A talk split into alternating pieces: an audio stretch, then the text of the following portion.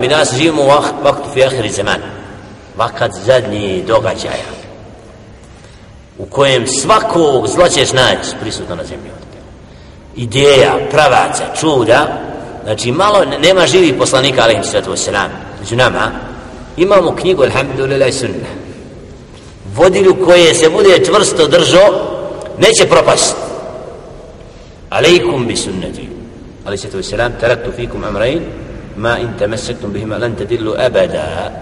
Dvije stvari vam ostavljam a koje se čvrsto budete držali nikako ne možete propasti zato je izlaz iz svih tih lutanja vraćanje Kur'ana.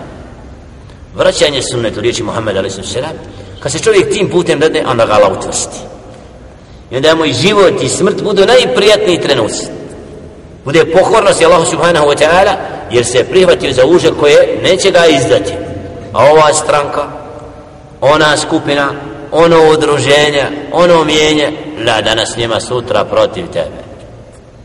I zato vjernik ne smije se poma povesti za takvim koji na određen način pozivaju nečemu mimo Korana i Sunneta poslanika. Naša tradicija da se držimo nečega koliko je ta riječ kritizirana u objavi stvoritelja وَإِذَا كِيلَ لَهُمُ اتَّبِعُوا ما أنزل الله قالوا بل نتبع ما ألفينا عليه آباءنا Koda nikad nisu čuli u međlisima, konferenciji, kako zovu, preskonferencija u rezidenciji Mustafa Cjerića, taj taj dan, Jusufe dođe, bit će na dnevniku da se neko oglasi, rekli su tako i tako, da oni su nametnuli pravila svojih djedova, Nek uzmu Koran, pročitaju. Šta Allah kaže o sliđenju djedova? I završena rasprava. Ako će Koran, kad im se kaže slijedite ono što Allah objavljuje, kaže mi slijedimo ono što smo svoje djed predke našli na tom. To je samo izgovori laž. Jer djedovi na čemu su bili prije, svakim danom se nešto mijenja. Nije nijedan djed isti da ne kaže. Ali u nečemu što je, znači to nije dokaz na čemu si zateko oca da i ti mora, ako je neispravno, ćeš ga slijediti. Ibrahim a.s. Na čemu zatiče? Na kipovima Muhammedu a.s.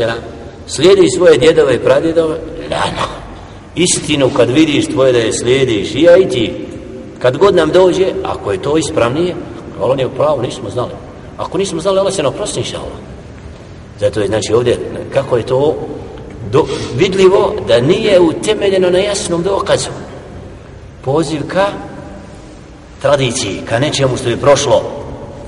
Pozovimo se, znači, Kur'an je dao smjernice za svako pitanje, svaki propis oko čega se sporimo, ima nam izlaz. Ako se vratimo Allahu i poslaniku, neće biti problem. Ali ako se ne vratimo Allahu i poslaniku, selam, po bilo kom pitanju, i stavimo svoje stavove iznad, la čekajemo da nas Allah takve punizi. Ako nas ostavi danas, neće sutra ti zagovaraš ono što je suprotnosti sa onim što je istina. Zato svaki onaj ko poziva, nečemu mimo Koranu i Sunnetu, samo sebe ponižava i otkriva koliko skreće sa staze ubuđeni.